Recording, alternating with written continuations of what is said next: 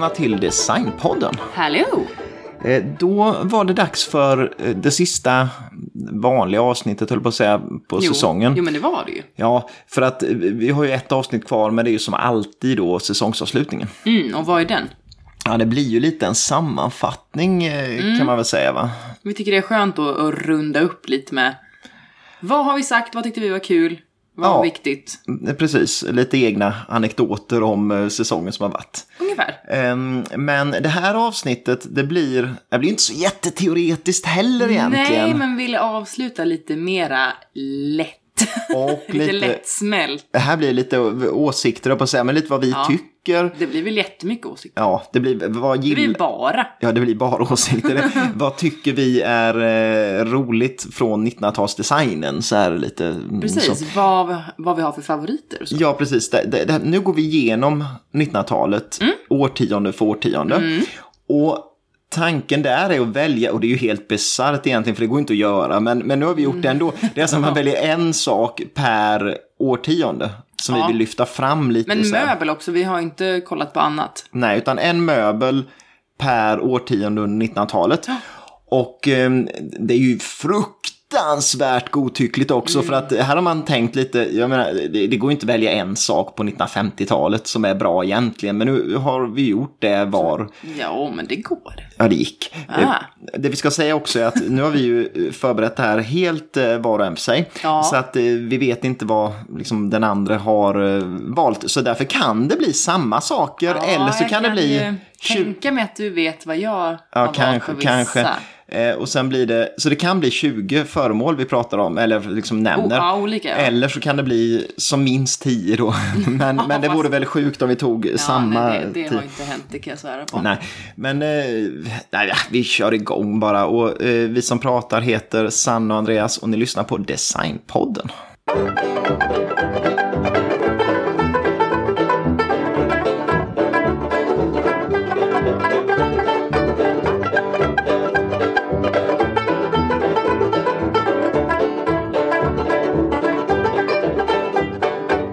Ja, eh, det här avsnittet också, vi spelar in det här i, i köket istället för innan vi suttit i, liksom i tv-rummet och då, tror jag ljudet är bättre egentligen. Men, men, Men nu, du säger det, ja. ja, nu är det lite så här kylskåp och hemskt i vägen. Men, Mm, men du, har, du har lite stolthet i det också. Men det jag tycker det låter bra.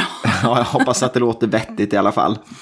Eh, vi kastar oss in, vi börjar ju kronologiskt givetvis Ja, i det här avsnittet. Och då börjar vi med 00-talet. Det gör vi. Alltså 1900. 1900 till 1910. Mm. Och då ska vi välja varsin, varsin möbel då. Ja. Och vill du börja? Ja och nej. Okej, ja. nej, men eh, 00-talet var ju min, min enda failure. Okej. Jag kunde fysiskt inte välja Nej, en formgivare eller en möbel. nej. Först och främst, Mm. för att jag inte kom på typ en enda formgivare mer än Macintosh. Nej. Det är ju det är lurigt för att det är ju så tidigt så att Ja, alltså- man, många företag jobbar ju inte så här öppet med olika formgivare utan mer med produkter bara. Exakt va? Och då är det så här svårt att bestämma också en produkt. Så då blev det liksom att jag gillar allt. Mm, På riktigt.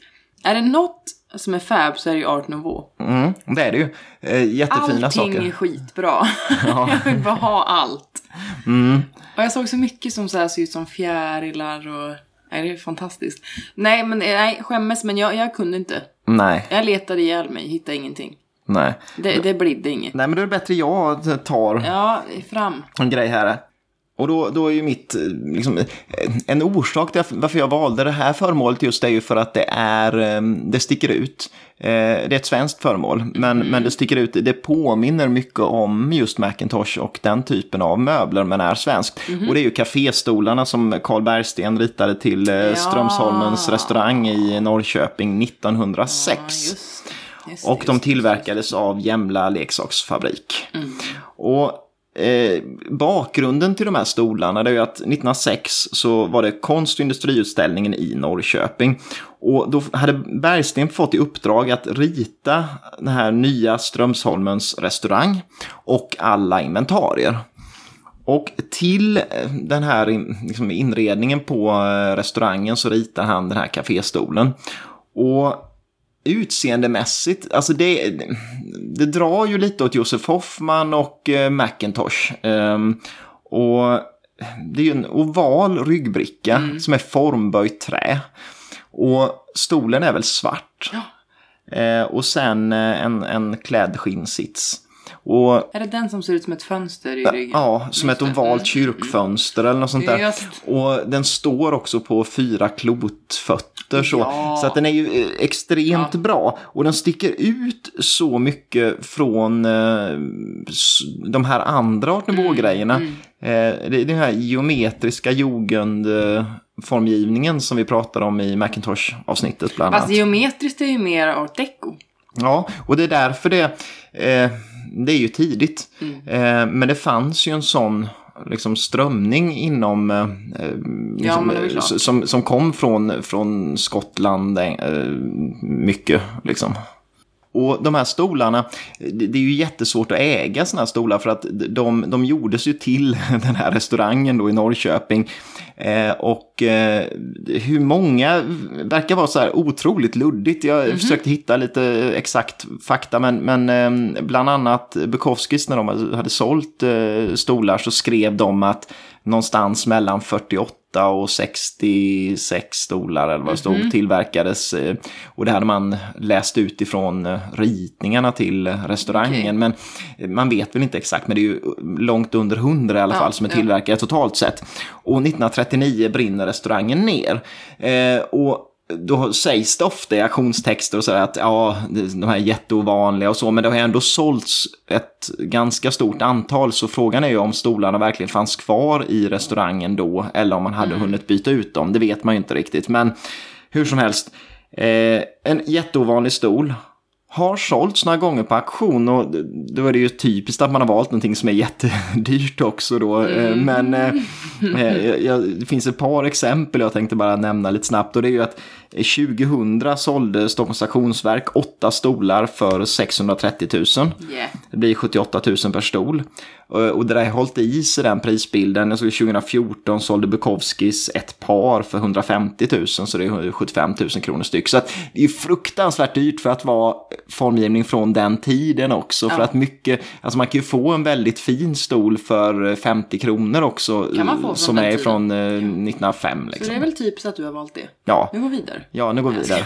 Du, ja. du får börja på 10-talet. 10-talet går vi in på ja. skämde ut mig. Och 1910-talet då vill jag kasta mig in på danskt faktiskt. Redan? Ja, för att det finns en stol som jag tycker är, det är ju sittmöbler hela tiden också som man jag nämner. har ju nästan bara det. Ja, men det är för det är väldigt roligt med sittmöbler. Ja, vi gillar det. Men eh, jag väljer då en stol av denne gigant.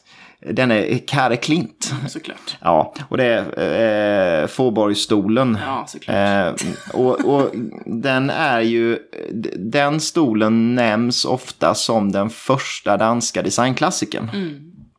Eh, och den ritade Kare Klint när han jobbade för eh, arkitekten Carl Petersen. Och då var ju Petersen den sto- det stora namnet och Kare Klint helt okänd eh, egentligen.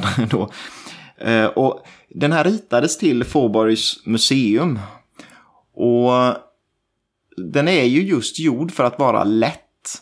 Eh, och tanken var att man skulle ha stolen och lyfta fram och ställa framför ett konstverk och sen skulle man sitta på den och titta på konstverket och tycka att oj vad fin tavla. Men då var det viktigt att det var just en lätt och smidig stol. Och det som är typiskt för den här stolen det är just att den är stilren, avskalad, en rundad rygg och sen så är ju sitsen och ryggen från början i rotting och sen så de här stolarna som tillverkas sen har ju rygg och, ryggen i rotting och sitsen i, i skinn då. Men, men, men det är ju en, liksom ingen ornamentik och det skvallrar lite om vad som kommer sen i Danmark men betydligt senare. Ja. Så jag tycker den är jätteviktig. Också ändå. för att du har flätat om två rygg. Ja, det är ju därför egentligen då Du att jag har liksom, flätat om sådana stora... Bildat en, en ett ba- relation. relation med sådana Så stolar. kan det ju vara. Mycket info du har om dina. Ja, men jag har lite info om mina i alla fall. Ja, mycket. Usch, ja, nej, nej, men, men, jag hade priser också på dem. Jaha, ja men säg då. Ja, nypriser för de här stolarna då, de, de går ju att köpa eh, idag. Och de kostar mellan 47 500 och 59 Ja, det är 300 för mycket. kronor styck, That's beroende på träslag och så. Ah, Nej, det är dyrt. Eh, Men på auktion kan man köpa dem. Och då kostar de, om de är lite nyare då, eh, mellan 10 till 20 000 kronor styck. Eh, har sålts någon gång, någon riktigt gammal och så, då kostar de bety- betydligt mer. Men, Ja, ja. såklart. Vad har du där på 1910-talet? Jag är faktiskt, jag ska erkänna det, att det här var ingen favorit som jag hade innan. Okej, du hittade Utan på. den här, här är, här är något. Mm. Och då kände jag, det här måste jag kunna kalla min favorit. Det, mm, det är det från och med, från och med idag. Mhm. Någon fåtölj som heter Cube Chair, eller Cubus fåtölj. Av Josef Hoffman som du nämnde nyss. Ja, Som är från 1910 exakt. Och den är vad det låter som. ja det är... Det ser ut som en kub. Mm. Alltså Le Corbusier före Le Corbusier så att säga. Exakt. Och själva klädseln är också sydda som små kuber. Mm, mm. Lite kviltat nästan, Ja, som här en faktiskt, ja. Chanel-väska liksom. Verkligen. Och jag bara kände att, vad är detta? Ja, och det är, ju, det är ju kul att du nämner den för att den är ju så tidig för att se sån det. ut. Ja, Jag bara kände, ja men jag kan ändå kalla det min favorit. Jag känner det. Ja, och vi fick med jo. Josef Hoffman också där som en sån Ja, här precis. stort Och han var ju då grundare till Wiener Werkstätte. Mm. Och det var ju det vi pratade om. Ska vi så här tipsa om våra tidigare Ja. avsnitt? Men, men i avsnittet om eh, Macintosh bland annat så, så pratade vi om vilket inflytande Macintosh hade på Josef Hoffman bland annat. Så att, eh, Exakt va? Nej men så att ja, jag känner mig nöjd där. Jag letade lite priser och så, men det var inte så lätt. Nej, Hittade några sålda på First Dips och sånt där, men då visar inte de priserna. nej. Så att Men jag kan anta att de är höga. Väl? Ja, är det, så här, vad skulle en sån kosta om den dök upp vet från tiden? Det, det skulle ju kosta så här Jag vet inte, hur men mycket som eh, helst. nu ska vi inte bara prata pengar, för Nej. vi har väl valt bara dyra antar jag du och jag. Ja, det är klart vi bara har Ja, valt ja, dyrt. det. 1920. Ja, ehm, ska du välja först här? Ja, men det här, det här var en solklar för mig det. Mm. Ja, hur jag gjorde det här, det var att jag först skrev upp mina favoriter på en lista och sen Mm. kollade vilka år de var gjorda. Och det här var den första jag skrev. Bibendum Chair, Ja. Eileen Gray. ehm, Min nästan, nästan absoluta favoritfåtölj. Mm, Från bes- 1926. beskriv den lite. Den, det är tre liksom halvcirklar typ Mm. på varann. Och den inspirerades då av Michelin-gubben som Mm. såg ut då som han fortfarande gör idag. Ja, Och så bara tunn, tunn liksom benställning som sitter ihop. ja, och den går ju Som ner en nästan båge. som, ja, den går ju ner som en sån här Ja. Bauhaus-benställning. Liksom en Ja. sån här eh, sväng, ja. Precis, så det, det, det blir verkligen som att den svävar. För att benen syns ju knappt och så kommer den värsta maffia Mm. Jättesitsen. Det är det som är roligt med den just att eh, sitsen är så, den känns så tung, så frukt, och den var säkert Mm. Ja, jättetung. varit. Eh, och sen så det här nästan som att den flyger över golvet. Så jäkla bra. Och där är ändå skrivet att den kostar ungefär mellan 30 och 40 000. Mm. Både ny och auktion och Mm. Runt. Ja, och gamla finns väl inte liksom, för att det, det gjordes väl bara något exemplar till någon inredning liksom. Men, men, ehm, ja. Men den gillar du också, det vet. Ja, det är, det är en sån jag fick i uh, julklapp, en miniatyr av den. Det är väl så Ja, nära man kommer på. Men eh, då tänkte jag, eh, jag snackar svenskt igen. Fan. En riktig favorit faktiskt, det är av en formgivare som jag inte gillar så mycket normalt sett. Men det är Axel Einar Hjort. Och eh, till världsutställningen i Paris 1929 Nej. så gjordes ett eh, skåp. Nej, jag, jag kollar på det också, praktskåpet. Ja, det gjorde det. Vi har pratat om det i avsnittet om Axel Hjort. jag. Men eh, det här skåpet är så fruktansvärt Ja, bra. det det. Skåpet eh, var beställt av eh, Torsten Kryger som var Ivar Krygers Ja. bror. Och Ivar Kryger var han som eh, sköt sig efter att, man- liksom börskraschen där och så.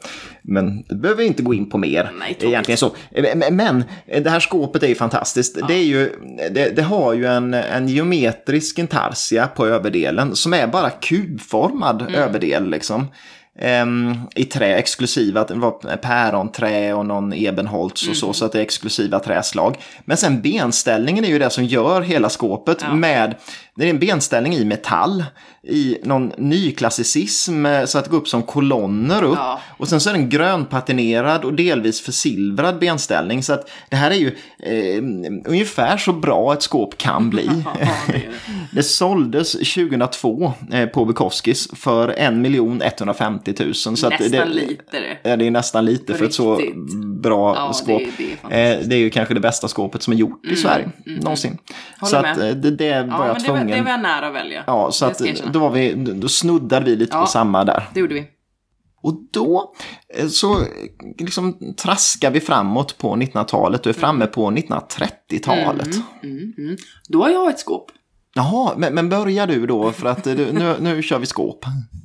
Skåp 881, eller Nationalmuseum-skåpet Ja, det är klart. av eh, Josef Frank från 38. Mm. Det, det är dock nästan mitt favoritskåp.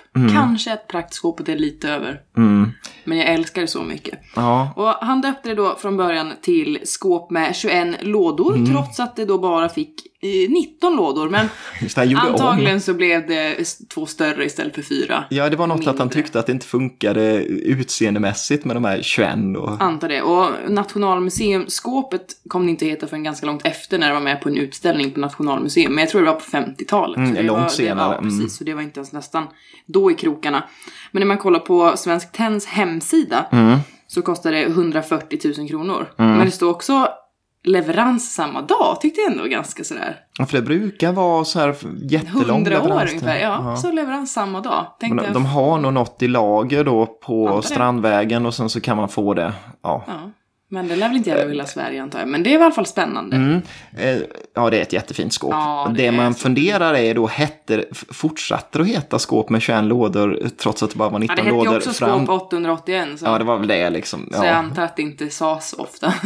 det vore jättedumt om man... Ja, jag har köpt ett skåp med 21 lådor. ja, jaha, fast det är bara 19. Ja, ja. Nej, men, men det är ett jättefint skåp också. Så att, Fantastiskt. ja, och det är två skåp efter varandra. Mm. Men jag ska inte ta ett skåp på 1930-talet. Jag tänker mig. Utan jag ska, men, men nu är det kvinnlig formgivare igen där. Du, du betade av en där och jag går in då på Eileen Gray också. Du kommer nu? Ja. Okej. Eh, och jag tänkte faktiskt nämna en, en stol av Eileen Gray, eller fåtölj egentligen, som heter Folding Hammock Chair. Eller Den heter väl inte det alls, men, men den brukar kallas det. Eh, och den finns bara i en, ett exemplar, en prototyp, någonsin tillverkad. Eh, och det, det är ju lite udda, men jag tycker det är en av 1900-talets absolut roligaste eh, fåtöljer. Mm, jag kan inte se den framför mig. Jag tror du skulle välja den där uh, Dragon-stolen. Nej, det, jag tycker inte den är så himla rolig, trots Nej, att det är den dyraste ja. moderna möbeln som någonsin har gjorts. Ja, men beskriv det, för jag kan inte se Eh, den. Den här, det är en S-formad stol, alltså den, den har en, em, hon gjorde den till sin egen lägenhet. Eller sitt eget hus. Och, och eh, orsaken till att hon gjorde just den utformningen var att man skulle kunna fälla ihop den för att spara golvutrymme. Och då består liksom stommen av två stycken S-formade reglar. Eh, där det börjar uppe i, i ryggen bak och sen så går det liksom ner till bakben och sen så går det upp till armstöd och sen så går det ner i framben. Eh, och sen så hänger det en stoppad klädsel i den här. Och de här reglarna är i trä men de, är, de ser nästan ut som en stålkonstruktion eftersom de är genombrutna. Ehm, och sen kan man fälla upp den här så att, att det bara blir som ett U istället Ja, som ja. är mot väggen. Fast jag kan inte se den. Ja, vad besviken jag blir. Mm, och det jag vi måste kan- typ googla nu. Ja, och det vi kan nämna är att om man lyssnar på det här avsnittet då kan man gå in på Instagram och se alla de här eh, Ja, möblerna som vi pratar om. Annars är det ju ganska tråkigt. Eh, Vi heter Designpodden där och kolla där för att då får man se hur den ser ut. Men jag gillar den här jättemycket och, och eh, det är ju inte lönt att nämna några pris eftersom den aldrig har sålts. Nej. nej. den skänktes tydligen till eh, Albert Museum av, eh, av Island Grey själv så att det finns bara ett exemplar. Och det, det jag såg som var lite roligt där det var att det fanns något brev till museet från Mhm. Island Grey där hon var jättemissnöjd med hur eh, den som hade gjort stoppningen hade gjort. Den var så här, det här är jättedåligt gjort och eh, för att rädda mitt eftermäle så vore det trevligt om ni stoppade om den. Så här, Så de tyckte att den sackade om man satte den. och- Men eh, den är jättefin och eh, en sån eh, hade man gärna haft. Ja, jag måste kolla Instagram, för jag, kan, jag kan inte uttala mig Nej, om nej, det. Men jag, jag litar på Ja, eh, ändå. det var 30-talet. eh, Yes. Det. Nu framme i 40-talet Mm. och det är här jag skulle kunna tänka mig att vi har samma. Nej, Vi kan ha samma. nej. Jo, För jag gick ju offside där. jaha. Jag tog en lampa istället. Ja, nej, då har vi inte samma. Vi borde ha samma. Nej, säg inte så. Ja, men kör du först då. Jag var ändå tvungen att ta gräshoppan. Fast Mm. det inte är en möbel.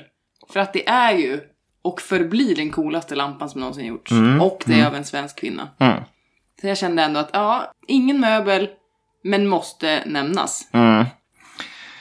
Så jag offrade 40-talet för den. Nej, jag skojar bara. Det var ett aktivt val. Men det finns ju annat I do like. Men jag kände att den var tvungen att bli. Ja, just uh, Greta uh, Magnusson Grossman uh, är ju en sån där formgivare som...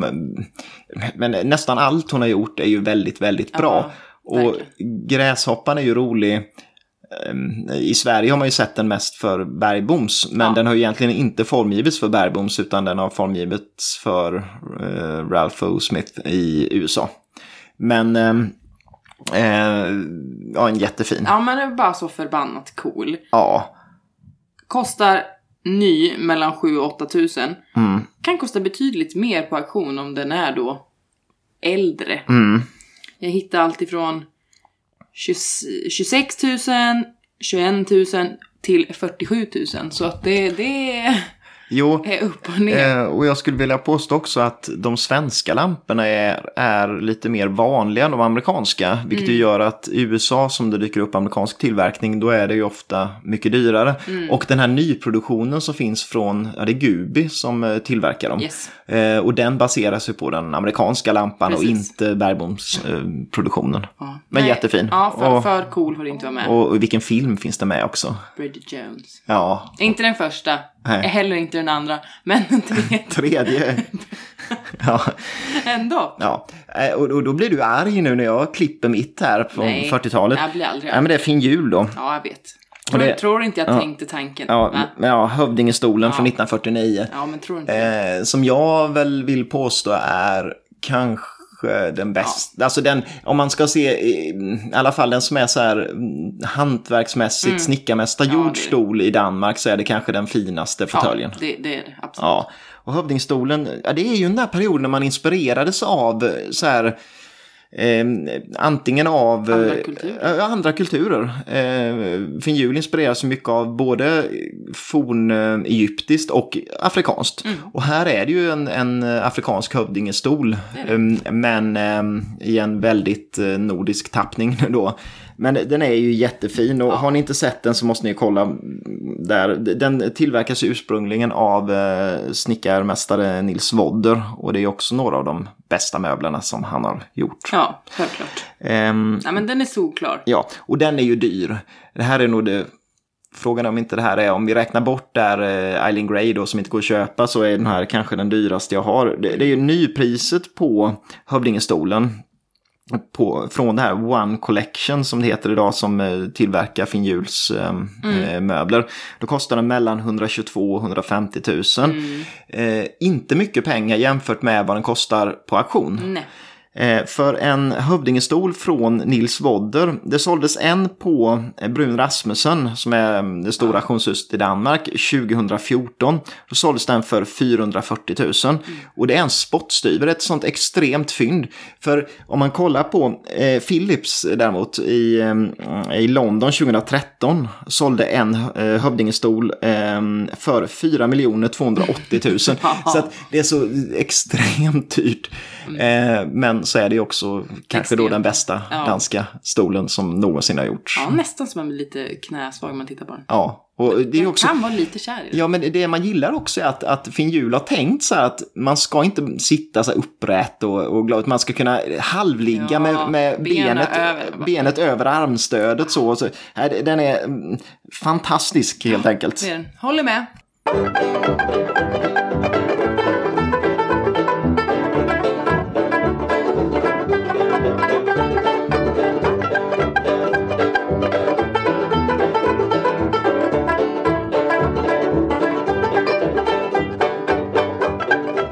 Så, då lämnar vi ju första halvan av 1900-talet Mm. och går in på 1950-tal. Och det, var, det är här klassiskt årtionde. Vad väljer vi där då? Och då kan jag ta först då. Ta för att, först. Ja, ehm, jag, jag väljer en stol inte för att den är bäst. Men det ska jag... Ja, men jag tycker den är bäst, men, men det, det, det, det är partiskt. För grejen är så här att, att eh, det, det hade ju gått att välja så mycket. Man hade kunnat välja mm. Arne Jacobssons ägget, man hade kunnat välja massa sånt. Men, men sen så har jag en Tänk om jag speciell... skulle ha gjort det nu. Ja, det, sk- nej, då hade jag sopat under liksom, fötterna undan din... Nej, men det, det, det finns en fåtölj eh, som, eh, Du sa stol nyss. Ja, det är en fåtölj. Det, det är de här danskarnas fel för att de säger stol om stol om fåtölj. Alltså, nej men, det finns en, en fåtölj som jag har varmt om hjärtat bara för att jag har en, en viss relation inom auktionsvärlden till den här eh, fåtöljen. Aha. Eh, och det är så att det var, jag fick ett värderingsmail när jag jobbade på, på Laurits. Och då, då, då kommer det ett sånt här mail då att ja men eh, mm, jag har den här fåtöljen, eh, kan ni ta emot den? Och det var en liten fåtölj i skinn. Och det var ju nästan, den såg ut som en, eh, vad ska man säga, som en, eh, som en sån här 70-tals barnfåtölj nästan. Eh, som en liten, skopan kanske många har sett, eh, som är en, en Ikea-fåtölj i plast som bara är som en Ja. skopa liksom. Ja, ja, Eh, Men den här var ju då i kärnläder istället. Och eh, den, eh, jag, jag hade i bakhuvudet att jag hade sett den här någonstans och det visade sig att Laurits hade sålt en till tidigare. Och den, är, den var då alltså formgiven av en Ole Järlöv Knudsen och kallas bara Fireplace Chair. Och det är som en liten Alltså tanken var väl med den här fåtöljen att man skulle eh, dra liksom kärnlädret, det grova lädret till sitt yttersta då va? Och använda sadelmakarkunskaperna till att göra en fåtölj. Och eh, det som var roligt tyckte jag där då, att det var den personen som skickade in förfrågan på den, verkar, jag, jag tror inte hon visste någonting direkt om vad hon hade, hade då va. Men hon hade köpt den i Stockholm på, ska inte nämna något namn, men på en, en stor butik inne i stan då, väldigt, ganska billigt, eller ja, i sammanhanget extremt billigt. Ehm, och ehm, tydligen väldigt nyligen också då innan hon skickade in värderingsförfrågan. Ehm, och då eh, visade det sig att den här tillverkades i två exemplar Oh. eh, till en utställning eh, 1959 tror jag det var, eh, till någon snickarlaugutställning. Och den ställdes ut i Köpenhamn och i Stockholm. Och det fanns två kända exemplar. Laurits hade sålt det andra exemplaret och det exemplaret hade tillhört en Willy Henriksen som var den sadelmakaren som hade gjort båda fåtöljerna. Eh, och det andra exemplaret var okänt då. Eh, Det hade sålts förmodligen i Stockholm då och det dök upp så på värderingsmejlen. så att eh, otroligt roligt. Det har och, inte sagt till mig nu. Nej, kanske jag inte har nämnt. Nej, Eh, det var väldigt kul i alla fall. Eh, Det här var, jag tror att hon fick sin insats till någon, delvis insats till en lägenhet Ja, på den där. ja, det Den såldes för 140 000 den jag tog emot. Ehm, Nice.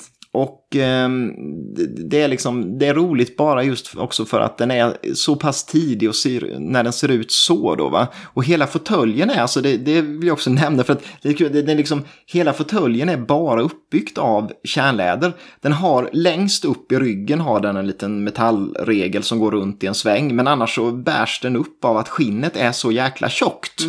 Och eh, Wille Henriksen berättade gång, jag hittade någon artikel på nätet om det, att de hade panik för att de skulle få klart den till utställningen. Så de satt och, på golvet och sydde de här två för hand då, de här båda eh, liksom, skinnfåtöljerna. Tills det rann blod från händerna för att få klart dem.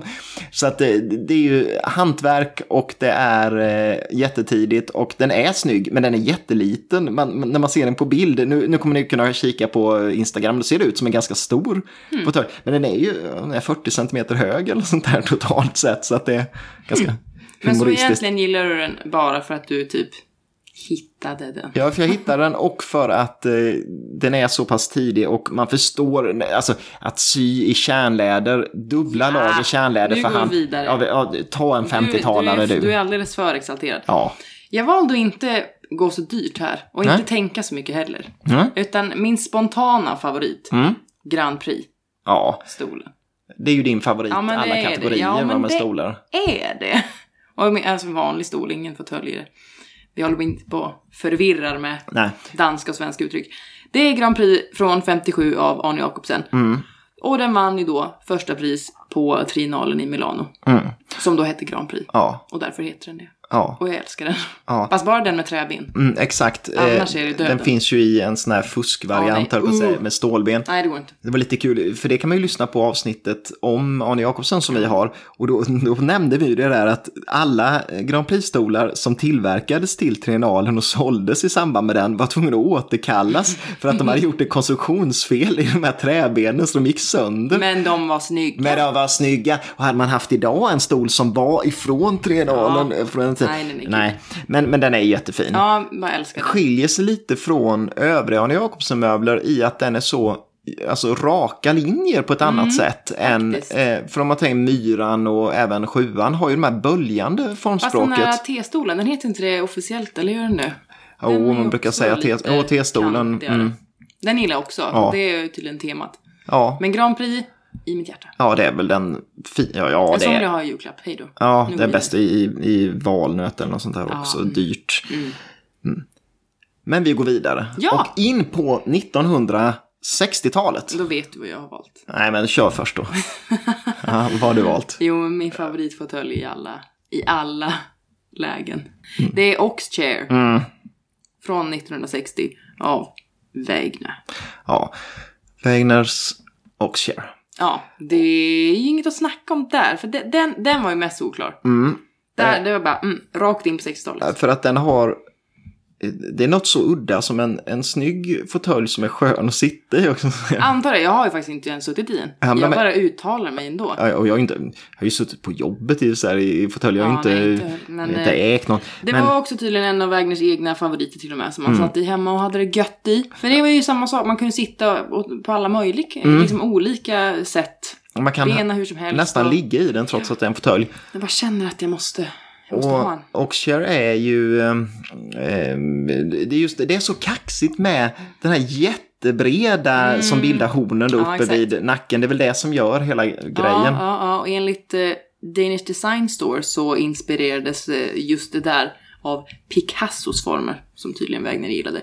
Har inte någon mer grund till det, men det säger Danish Design Store. Mm, Och den eh, kostar ju runt 90 000 ny mm. och eh, runt 30 på auktion, så det är inte allt för illa. På Nej. auktion alltså. Nej, nej, alltså det är ju ändå ett fynd jämfört med nypriset. Mhm. Och eh, där jag mm, hörde någonstans, jag vet inte var riktigt från, men det var att eh, den är så pass eh, svår att klä ändå. Ja, Eh, så att just, den går inte att få i det tjockaste lädret längre. För att han har gått i pension, han som Han klädde den. kungen, ja, okej. Så att eh, den är ju eh, väldigt exklusiv och väldigt, väldigt fin. Jo, men En sån måste jag ha innan jag dör. Ja, och Det- jag det tror bara de tillverkas under väldigt få år, de gamla, så att Mm. ja, Ja, ja, det, ja. det vill vi ha. Har man en så får man skicka in till oss så får man den ett nu. klistermärke. Nej, vi Eh, kan få något annat. Ja, Det kan vi komma överens om. ja. Det är inte så än så. Jag har ju då på 60-talet, jag tänkte lite, eh, just jag ville hitta något som var typiskt 60-tal som jag ändå gillade eh, mycket. Och då blev det en fåtölj som är så väldigt mycket 60-tal och det är ju Eero Arnios. Alltså. Eh, jag tycker den är, den är väldigt rolig för att den är liksom det, är en sån designikon. Förväxlas internationellt ibland med eh, äggfåtöljen av Arne Jacobsen bara för att eh, man tror att, ja, Samma princip Samma- men ju inte inte alls, likadan. nej, inte alls samma. Men Nej. Det är ju en, en boll helt enkelt i fiberglas som är klädd invändigt. Som och där, snurrar, va? Ja, snurrbar. Och där inne sitter man. Det snurrbara är ju nästan det coolaste. Ja, och just det där att man är så asocial. Ja men det är ju det, man bara Det snurrar är det man gillar. ju. Man sitter där inne och det som är roligt när man sitter i en åskboll det är att eh, det blir eh, liksom ljuden försvinner. det är det är inte bara, dämpat. ja exakt det är som att du har sån här ljudisolerande, du sitter som i ett sånt där ljudisolerat rum. Mm, Ja, oh ja.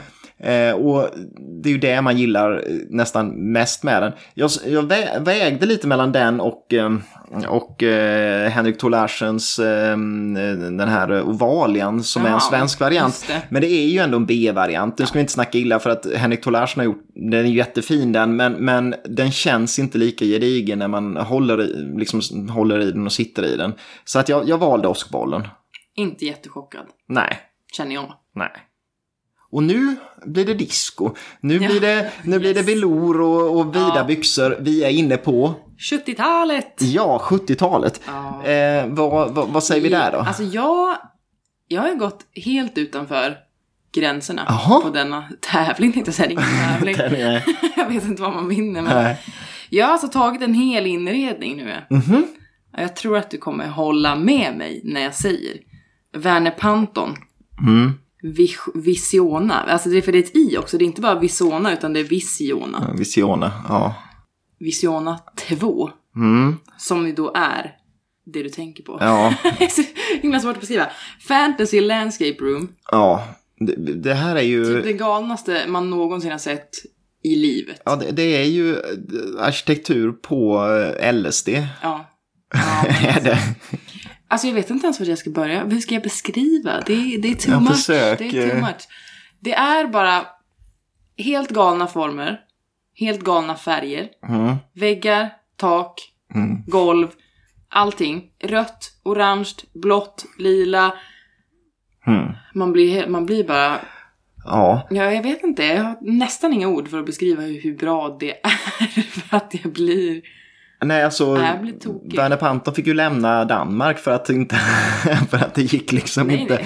Eh, och, och, nej men det är ju så jättebra. Ja, så... Eh, så Werner Pantons eh, 70-talsmiljö Ja, nej, är nej, ja. jätte, jättebra. Jag kunde inte välja någonting enstaka Panton så, för att det, det är för bra. Mm. Eh, Nästa, han är nästan min favoritdesigner överlag. mm. Bara just för att det är så... mm, Det är så sjukt spejsat. Ja, jag, jag stod och vägde på, jag tror eh, det är ju Heartshare av Werner Ja, Panton stod och vägde på, men det var ju 50-tal så att eh, då, men, men det är ju en jättefin fåtölj också. Men det får vi inte nämna nu. Nej. Men du tar ju då en, en formgivare som är eh, liksom eh, inredning på LSD. Då tar jag inredning på Folkel känns det plötsligt som. För att det är ju liksom Ja, också så här lite spaceat men det är inte, inte så väldigt spaceat. Nej men jag, jag tyckte, ja, om vi ska hitta en svensk 70-talsform. Varför ska du hitta en svensk Nej men jag, jag, jag, jag, jag tänkte lite så här, men, men en svensk vore kul. Men det är väl inte dina favoriter, det är fusk. Ja, fast jag tänkte ändå, nej, den här gillar jag, jag har haft en sån och eh, den är men väldigt, väldigt skön. haft. Ja, men den är väldigt skön. Ja men säg då! Ja, det är Jan Exelius. Eh, har gjort eh, fåtöljen ETC. Mhm. Eh, och den finns väl i produktion idag igen av Jan Exelius. Mhm. Eh, men ursprungligen tillverkas den av eh, JOC i Vetlanda. Eh, det är en liggstol eh, och den är, den har liksom en, det är en stålrörsstomme som är helt klädd i velour. Ehm, det, det är ju liksom så här Space Age futuristiskt och... Fast eh, det är ju inte Panton. Nej, det är, nej, det är, alltså jag kände det när du nämnde. Tror, nej, du men jag tycker, ha börjat här för att ja, det blir jag, pinigt. jag borde ha gjort det, men, men den är faktiskt... Men eh, jag känner inte igen den heller. Nej, men det får du kolla på. Ja, men jag kan inte säga något bra för att jag vet inte hur den ser ut. Nej, men den är...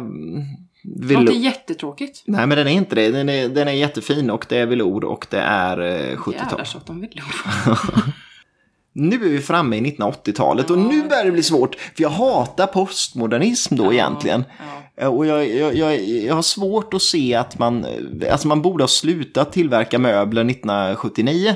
Men, Varför du föddes. varför jag föddes då jag.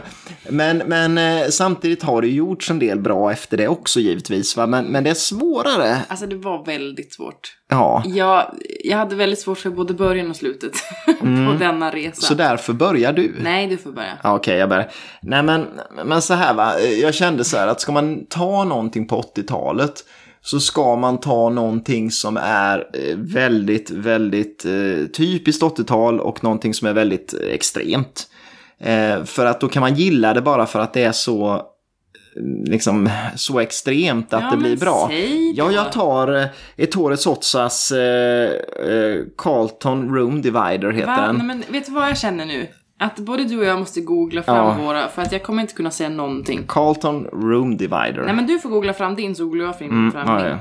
Och det är ju en sån här, ja, men den är ju en sån typisk eh, Memphis-möbel. Vadå Memphis? Memphis-gruppen som Jaha. formgav liksom, eh, postmoderna möbler i Italien på 80-talet. Och den är från 1981. Och den är väldigt, eh, vad ska man säga, om, om man går tillbaks till det som var tidigare så är det här något helt annat. Och då blir det ju häftigt naturligtvis när den kommer. För att den är så här en, en sparkig skrevet på de gamla formgivarna. Eh, och, och det blir ju roligt för den skull. Och det känns lite som någon sån här, det är också lite Tim Burton, eh, Alice i Underlandet möbel. För att den har inga räta linjer och den blandar alla färger som går Ja, det och det är skevt och vint och dant. Eh, och, och så blir den rolig. Så att den är ju, eh, det, det är roligt med den typen av möbler om man verkligen tar ut svängarna ordentligt. Det, därför, alltså anledningen varför jag ofta har svårt för 80-talsdesignen är att de har gjort så här lite 80-tal av det, men de har tagit det gamla och sen så man eh, liksom svängt till det lite och så blir det inget bra. När du tänker så ja. Men vissa har gjort bra liksom. eh, Det är ju, men det, ja, det där är ju ett kul exempel i alla fall. Ja, men det där, ja, det kan jag nästan hålla med om. Mm. Alltså 80 var ju svårt. Vad tog du då? Ja, där igen har jag fuskat och hittat en favorit idag. Ja, jo. Men jag hade ingen innan. Det Nej. kan, inte, det kan man inte klandra mig Nej, nej, absolut inte. Så då hittade jag då en till fåtölj. Det är inget ovanligt. Nej. Av en man som heter Jack Crebolder. Okej, ja, det, det, Och det är en fåtölj som heter Turner Jaha. från 82. För eh, Harvink som var något eh, holländskt företag, eller är, Mm. jag vet faktiskt inte längre. Men den är bara en båge. Mm. Eller liksom, Det ser ut nästan som en sittande person utan huvud. det är... Nej, men det- den hade jag inte sett innan. Men Nej, Holl- visst var den Holland... så cool? Ja, den var jätterolig. Eh, Holland... Titta. Det finns mycket holländskt som är väldigt Men bra. hur ska man förklara? Det, själva, det som är i golvet Mm. är bara en, en fyrkantig platta. Mm. Sen går det upp från ena hörnet. Det börjar smalt, blir bredare och bredare. Mm. Och så är det bredast då och böjs som sitsen. Mm. Och så sen går det upp igen och är smalt och slutar jättesmalt, bara rakt av. Ja, Så det är det- jag vill se ett huvud för att det ska bli en person. Ja, men man lägger det platt ser det väl typ ut som ett öga i formen eller Ja, någonting. ja. Och så har man böjt det så man kan sitta i den. Alltså Mm. så cool. Vad är det för Och vad hette han igen? Jack Crebolder? jag har ingen aning. Nej, men jättefin. Så himla cool, så att jag, jag kallar den för min favorit från mig nu, men jag hade ju inte sett den innan. Nej. Så erkännas. Men, men det, det var ju en rolig... Nej, också rolig anekdot. Den Mm. eh, producerades bara i fem olika färger i 200 x vardera. Ja, så att det finns Det- inte så nej, många av den heller. heller. Givetvis då, men ja. Ja, men jag hittade ingen pris för det, men sjukt cool var den, Mm. eller hur? Sen min 1990, Ja, nu är vi ju framme äh, sent i här. slutet. Ja. Eller har du 2000 då? Nej. Nej, gud. Nej, det har jag inte. 1990, då känner jag att min ju är inspirerad av din som du hade 1980. Aha, För att 1990, då hittade jag absolut ingenting. nej. Så det här vet jag inte ens om jag skulle kalla för en favorit egentligen. Jag Nej. var bara tvungen. Mhm. Men då, då tog jag Panton igen för Ikea.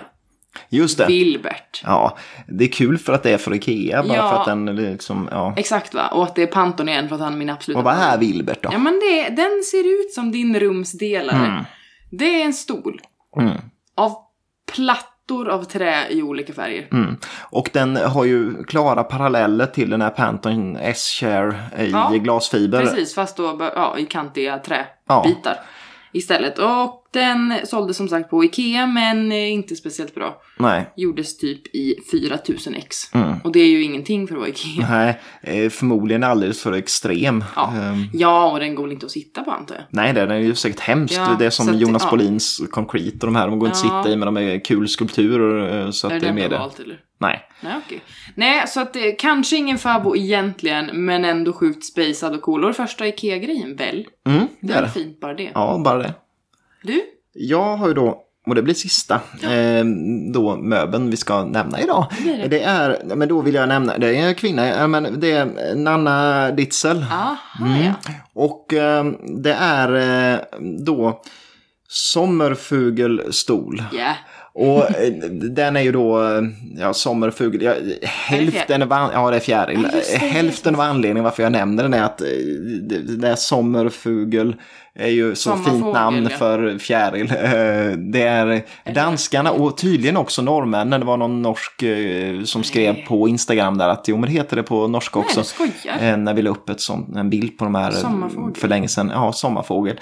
Eh, men den är väldigt rolig. Den har ett, eh, ett geometriskt eh, mönster i sitt, sittskalet och sen så har, liksom, har den så här jätte, jättetunna ben som gör att det känns som en insekt verkligen. Ja, ja, det och eh, det är ju en fruktansvärt bra Mm. eh, stol för att vara från 90-talet om Ja. vi ska vara neggiga mot 90-talet Men det ska generellt vi. sett. Ja, Papadi och sånt där. Papadi. Ja, nej, strunt samma. Men, men, ja, men, men, men strunt samma. Eh, Det, det, det är- det en jättebra... eh, Jag tycker att den är något av det bästa som gjorts. Ja, eh, hade jag kunnat valt också men jag kom på va? Ja, men det måste man göra. Det blev det Ikea. Ja.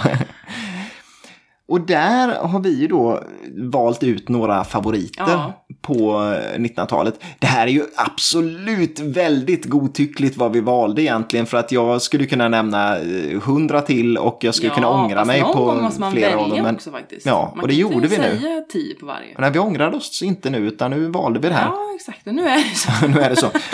Ehm, Får man aldrig säga något annat igen. nej, Utan det, nu är det så här. nu är det så här. Skri- Nej, men skrivet i sten, som Moses. Nej, men, skitsamma.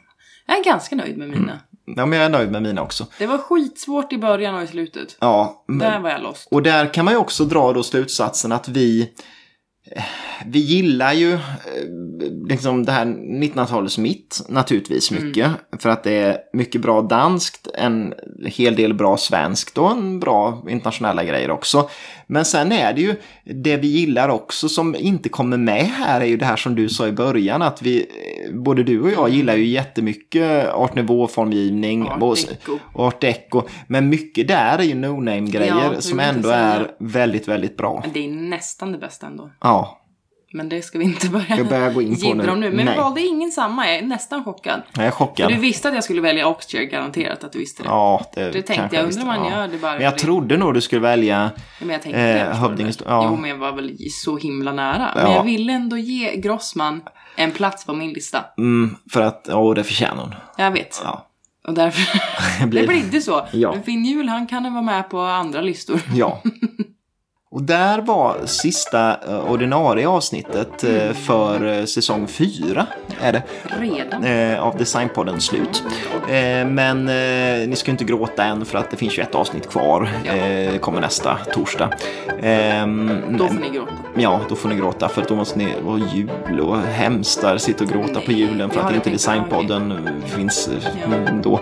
Men det får ni önska er i får ni önska dig i julklapp, ett eget avsnitt av Designpodden. Men eh, så länge i alla fall så får ni ju gärna mejla oss. Mm, jättegärna. Designpodden gmail.com. Ja, och så följer man ju oss givetvis på Instagram Ja, där vi heter Designpodden. Ja. Men eh, vill man eh, så kan man ju då skicka ett meddelande där också. Nästan man, ännu enklare. ja, mycket enklare än att Det är mejla. någon som är väldigt aktiv på Instagram. Ja. Det är inte jag. Nej, det är jag. Eh, och annars så får ni ha det så riktigt bra så länge så hörs vi igen nästa vecka. Hej då!